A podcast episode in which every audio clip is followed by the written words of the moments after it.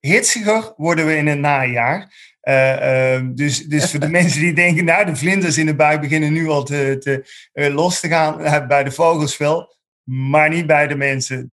Dit is de Mensrots. Over instincten en oerdriften, over rationeel handelen en beschaving.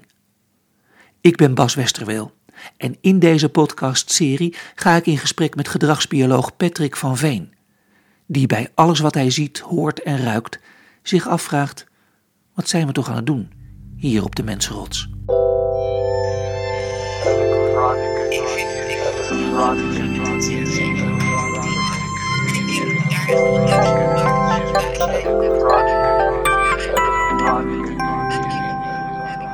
Oké, Patrick, het is gebeurd. Het is lente. En dat betekent dat de, de aarde, in ieder geval ons stuk van de aarde, een stuk warmer gaat worden. Worden we ook warmer in het hart? Nou ja, dat denken we altijd. Het doet iets met ons gedrag, laat ik dat uh, voorop stellen. En, en uh, uh, of we daardoor warmer worden in het hart. Nou, laat ik het heel plat slaan even. Hitsiger worden we in het najaar. Ehm, dus, dus voor de mensen die denken, nou, de vlinders in de buik beginnen nu al te, te los te gaan. bij de vogels wel maar niet bij de mensen. Dat, uh, nou ja, waarom zeg ik dat ze heel kort door de bocht? Heel simpel, we weten ongeveer waar pieken in geboorte zitten.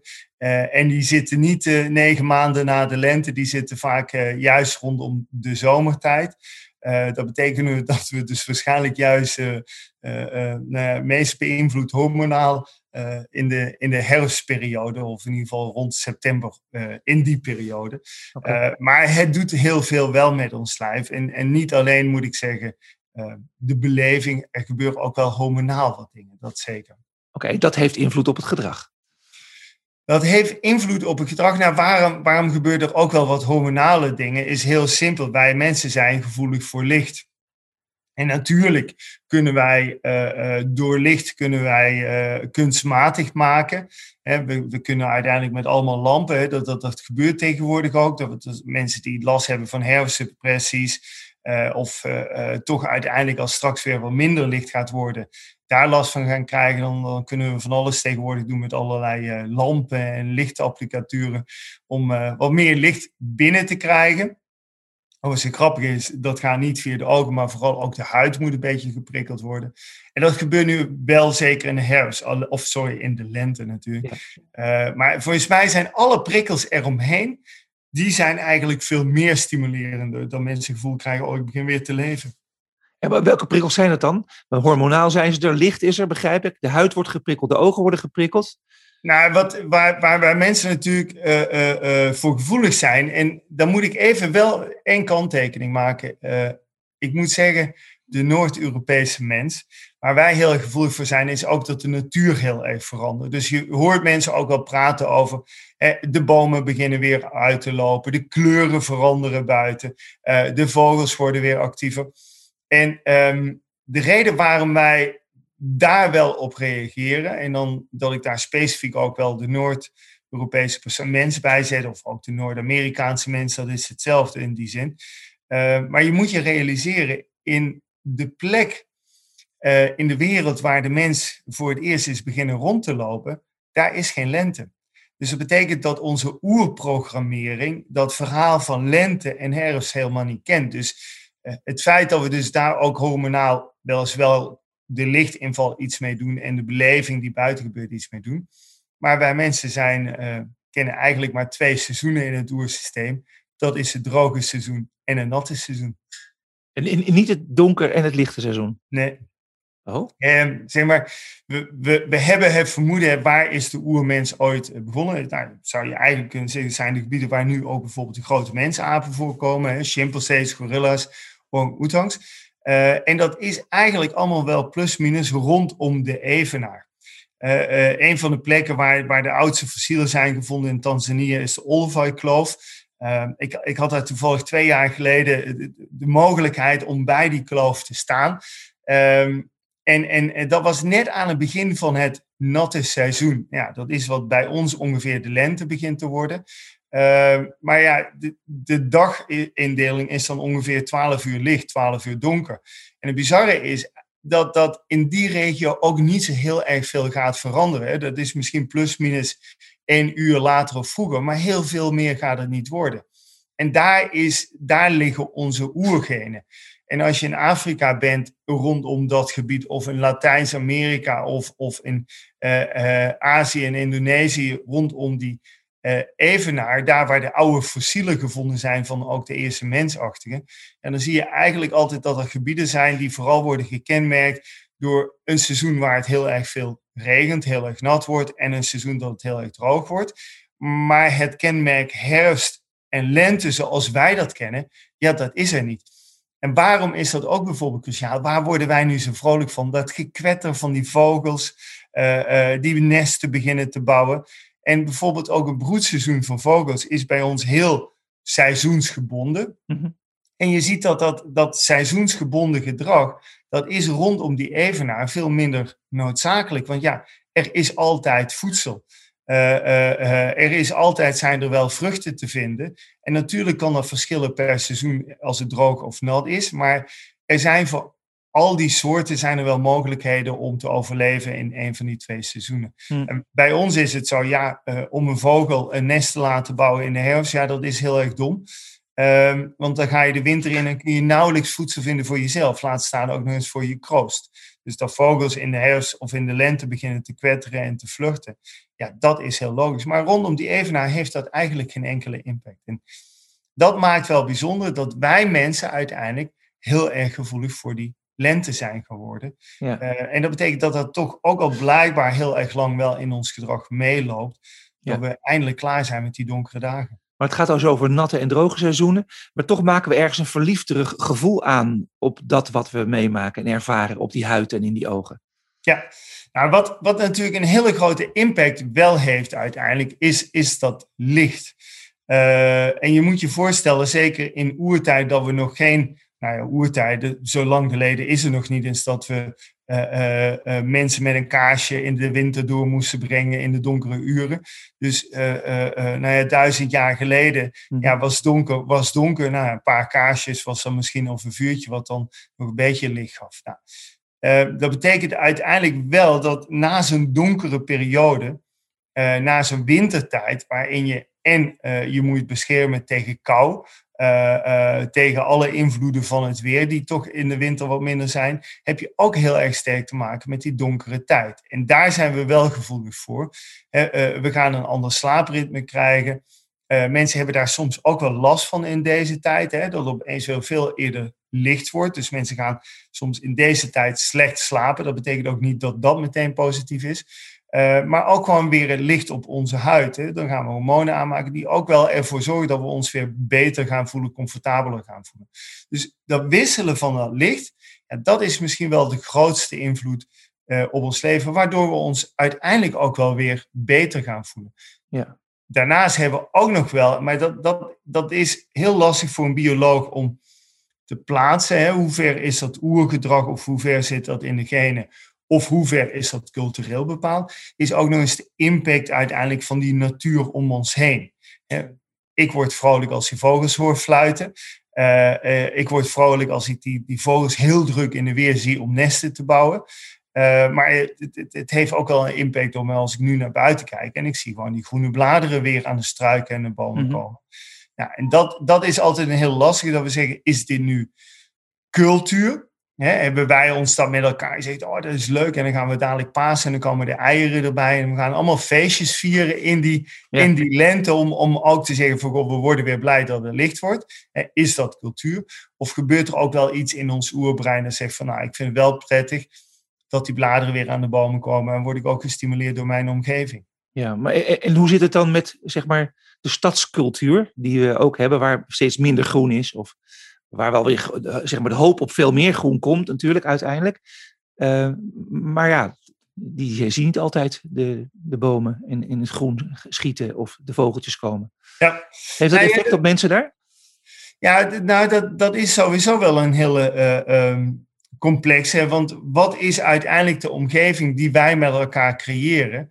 Uiteindelijk ook een effect op ons totale leven. Je moet je realiseren dat wij mensen zijn van nature niet uh, uh, ja, opgegroeid in een stad. Hè? Mm. Dus in een heel erg kaal gecreëerde omgeving. Mm. Ehm, dus, dus ja, dat, dat groen zien we daar niet. Alleen wat je wel moet realiseren is aan de andere kant, die stadsmensen zijn steeds gevoeliger geworden voor allerlei kunstmatige prikkels. Hè? Want je kunt niet de stad doorlopen in een normaal jaar, nu is het allemaal wat anders met de winkels, dat je eigenlijk doodgegooid wordt met, met die lenteprikkels. Hè? Of het nu in de etalages is, uh, uh, of ja. de terrassen die naar buiten gesleept mm. worden. En maar we, we zijn uiteindelijk ook zelfs in die stadse omgeving, zijn we al zelf kunstmatige prikkels gaan inbouwen om uiteindelijk ook aan elkaar te vertellen, ja. het is lente. En ik moet zeggen, één ding wat, wat bijvoorbeeld de laatste jaren steeds meer is geworden, uh, als je dat observeert, is het belang van terrassen. Uh, uh, ik bedoel, terrassen had je vroeger in, in de grote stad op een plein. Uh, tegenwoordig uh, uh, heeft bijna elk dorp wel een terras op welke stoep of trottoir dan ook. want, want dat is zo'n gevoel. Hè? We kunnen weer naar buiten. En dat hoor je zeker mensen in een COVID-jaar, een coronajaar nog harder roepen. Ik verlang er zo naar om op zo'n terrasje te zitten. En zelfs als het straks steenkoud is buiten, maar als dat lentezonnetje binnenkomt met een, een vliesdekentje over de knieën en eventueel nog zijn hittelamp in je nek, vinden we het dan toch heerlijk om, om dat lentegevoel dan langzaam voel te bijdragen. Dat, dat, dat is cultuur. Dat, dat is echt cultuur. Maar het is, ook wel, het is ook wel, zeg maar, dan de nieuwe mens wellicht wel, of de ontwikkelende mens, die uh, artificieel in dit geval de lente binnenhaalt in stedelijke omgeving, door daar wat licht in etalages aan te zetten, of overal terrassen te laten uh, uh, ontstaan, op hoeken van de straten en zo. Um, maar het heeft ten diepste met die huidhonger te maken, om het maar even anders te poneren. Nou, misschien is dat wel de nieuwe kerk. Nou, laat ik die even uitleggen. Uh, nee, je, je moet even voorstellen, de, de, mens, de oermens, is ooit vanuit het savannegebied in Afrika naar het noorden getrokken. Ja. Nou, waarom zijn we dat gaan doen, dat weten we niet heel erg goed, maar er zijn allerlei theorieën over. En, en een paar van die theorieën is, je moet je voorstellen, het gebeurde ook in een tijd dat je niet één mens had, maar je had heel veel mensachtigen. Zoals je verschillende apensoorten had, had je ook eens ooit verschillende mensachtigen. En die zijn steeds meer naar het noorden getrokken. En een aantal van die theorieën zeggen dat meestal is dat toch een soort concurrentie. Dus, dus je hebt een leefgebied en vervolgens uh, zijn er mensen die in, aan de rand van dat leefgebied eigenlijk net een beetje beter overleven. Dus die mensen die, die gaan zich daar vestigen. En hmm. dat, dat die bevolking, die soort, die gaat daar groeien en steeds uh, uh, drukker gaat het daar worden, totdat het te druk wordt. En dan gaan de mensen die aan de rand van dat gebied leven zich ook weer verder verspreiden naar het noorden. En zo zijn mensen eigenlijk in de evolutie steeds meer naar, naar het noorden opgetrokken. Wat bijvoorbeeld een effect had op onze huidskleur. Uh, uh, als je noordelijker ging zitten en je had een hele donkere huidskleur, ja, dan, dan is dat eigenlijk niet goed. Want wij, wij, wij moeten, als je naakt over die savanne loopt, je moet om uiteindelijk voldoende vitamine D aan te maken, heb je zonlicht nodig. Uh, en, en als je een hele donkere huidskleur hebt, dan wordt dat zonlicht eigenlijk gefilterd. Dan maak je niet voldoende vitamine aan. Dus, dus de hormoonhuishouding wordt uiteindelijk ook heel erg verstoord. Dus ja, hoe lichter het mensen waren, hoe verder ze naar het noorden toe zijn getrokken en konden trekken. Dus uiteindelijk de reden waarom wij in Europa, nou, laat ik maar even op Europa focussen, dat we hier leven, is uiteindelijk gewoon concurrentiedruk geweest binnen de soort mens. We zijn ja, de, degene die hier leven, en wij, wij Westerlingen, Noorderlingen, ja, we zijn gewoon vluchtelingen, omdat wij uh, in dat drukke Afrika weg moesten en, en daar werd het ooit in de oertijd te druk. Dus wij hebben ons aangepast aan de omgeving hier. Ja. Nou, als je dan miljoenen later, jaren later in die evolutie kijkt, ja, dan hebben wij ons hier gevestigd, maar we hebben altijd een soort uh, uh, haar-liefdeverhouding gehad met onze omgeving. Zomermaanden, warm, lange zondagen. Hè. Je moet je ook voorstellen wat dat met ons lichaam doet, dat we in een oersysteem, dat je gewoon, nou ja, wat is het? Wat, hoe lang hebben we van, van vijf uur het ochtends tot tien uur het s'avonds hebben we licht? Dat, dat doet ook iets, hè? want ja, dan slaap je eigenlijk veel te kort. Dus je, je doet ook een aanslag op die, dat lijf. Dus je bent mhm. ook blij als het dadelijk weer winter gaat worden. En wij hebben heel erg met dat seizoen continu meegeleefd. En wat er ergens in die historie is gebeurd, is dat wij die overgangen van de seizoenen zijn gaan vieren. We zijn die gaan ritualiseren. Ja. wanneer dat is gebeurd, weten we niet. Maar dat is ergens gebeurd. En de manier van ritualiseren van die seizoenen is ook sterk veranderd. We hebben de zonnewende. Uh, nou ja, ik ben 21 juni altijd jarig, dus ik, ik, ik, ik mag gewoon letterlijk wel ja, de langste dag van het jaar uh, vieren. Mm -hmm. uh, maar, maar dat is omgeven met rituelen. En we weten ook op een gegeven moment kwamen daar in deze omgeving christelijke rituelen aan, waar ook, hè, we gaan dadelijk Pasen vieren, omdat dan de lente gevierd wordt, het terugkomen van het licht. Uh, en, en, zo hebben we allemaal van dit soort rituelen. En het grappige is, op een of andere manier lijkt het erop dat zeg maar, het leven in deze omgeving, het leven in, in een omgeving met hele sterke seizoenswisselingen, dat dat blijkbaar een soort behoefte oproept om die overgangen te verklaren en ook te vieren. Ja. En misschien heeft daar in het verleden ook veel meer functie aan vastgezeten. Hè? Want als je weet, nu ga ik van seizoen A naar B over, dan moet ik misschien mijn landbouwtechnieken aanpassen. Misschien moet ik uiteindelijk mijn huis of mijn hut eens uitmesten. Uh, dus, dus heel veel geritualiseerd gedrag is erop gevolgd. Maar ja, de nieuwe kerk. Uh, misschien zien we nu ook wel, hè, als je het hebt over die steden, en dan een heel lang verhaal om uh, antwoord te geven op jouw vraag. Ik denk dat heel veel dingen die wij nu doen in de lente, uh, ook een geritualiseerd gedrag is om die overgang in die seizoenen te vieren. Die behoefte aan dat terrasje is waarschijnlijk gewoon uh, nou ja, het paasfeest van 20, 30, 40 jaar geleden. Ja. Um, en, en, en, dat is wat wij heel sterk als mensen doen. Hè op het moment als je, en dat zie je over de hele wereld, leef je in een omgeving met die sterke seizoenswisselingen, uh, dan, dan zitten daar allerlei rituelen aan vast om die overgangen te vieren. Overigens in Afrika zie je dat ook wel, dat uh, de overgang van het ene seizoen naar het andere ook gevierd wordt. En er is zelfs een vermoeden dat chimpansees dat zelfs doen. Uh, want heel vaak zie je dat hun gedrag op het moment als ze van droog seizoen naar nat seizoen overgaan, uh, dan is er bijvoorbeeld de regendans geobserveerd. Dan gaan ze heel wild doen en heel druk lopen doen. Dus zelfs dieren vieren waarschijnlijk ook die overgang van seizoenen, die overigens anders zijn als wat wij hier in het westen of in het noorden doen. En nu lijkt, zeg maar, die hang naar, naar buiten gaan op het terras zitten groter dan ooit, hè? Nou ja, we hebben nu misschien wel een hele lange winter achter de rug, die heel vroeg is begonnen. En um, dat is natuurlijk ook wel een heel bijzonder gegeven, dat um, wij, wij mensen vinden dat naar buiten toe kunnen, uh, uh, de natuur opzoeken, het gevoel het kan weer. Ja, dat vinden we heel erg belangrijk. En we zijn door corona natuurlijk veel meer opgesloten geweest. Ondanks dat mensen volgens mij meer gewandeld en gesport hebben dan, uh, dan ooit ja. tevoren. Uh, maar een soort die overgang. En het grappige is, ook nu zie je bijna hè, dat het her, heropenen van de terrassen, uh, kun je bijna de vraag stellen, is dat nu omdat we zo'n behoefte hebben om met een biertje op het terras te zitten mensen te kijken? Of hebben we de behoefte dat te zien als een soort ritueel, dat de overgang aangeeft van voor en na corona, of coronatijd na coronatijd. En, en het, het bizarre is, als je kijkt hoe wij daar zo krampachtig aan vasthouden, niet alleen Nederland, ook in België, Duitsland, mm -hmm. als de terrassen maar weer open kunnen. En eigenlijk als je daar als observator naar kijkt, denk je, ja, doe even normaal. Hoe belangrijk is, pak je toch een biertje, ga je voor je eigen deur zitten. En dan, maar, maar, het feit dat het kan, is bijna geritualiseerd gedrag. Nou, en, en rituelen hebben we het wel vaker over gehad. Ja. Blijkbaar hebben mensen, maar ook dieren, behoefte aan rituelen om een soort structuur aan hun leven te geven, maar ook een soort duiding te geven aan dingen die we niet heel goed snappen. Ja. Ik, ik snap het wel nu. Dankjewel voor je wijze woorden. En we gaan volgende keer. Die rituelen komen vast weer langs. Het geeft ook duiding aan waarom we mens zijn op deze mensenrots. Ik denk dat dat. Ja, ja. Ja? De, de, mens is misschien wel het meest rituele dier dat we kennen.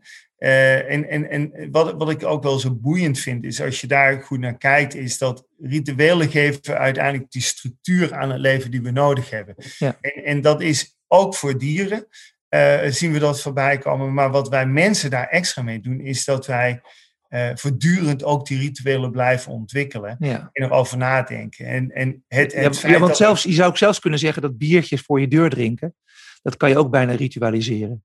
Er echt voor gaan zitten en even lekker rust pakken, het moment nemen, zou ik maar zeggen. Eh, dat bijna.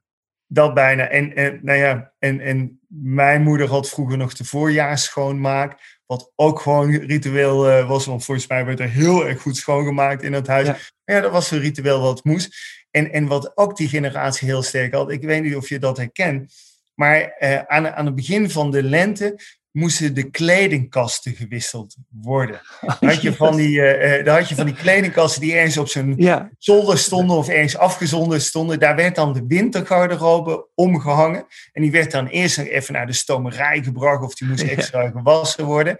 En, dan, dan, dan, en het nadeel was ook als je dan een pech had dat het in april steenkoud was ja, dan had je pech gehad. Maar ja, de wintergarderobe, die hing op zolder. Dus dan moet je niet gaan zeuren om je winterjas. Gewoon je lentejas aan. Want ja, het seizoen was omgehangen.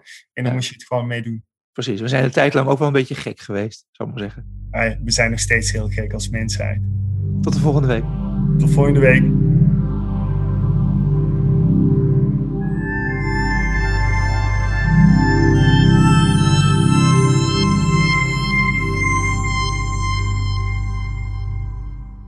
Dit was De Mensenrots. Abonneer je nu op deze podcast via Spotify, iTunes of jouw favoriete podcastplatform en ontvang elke week een nieuwe aflevering vol vergezichten en hersenspinsels.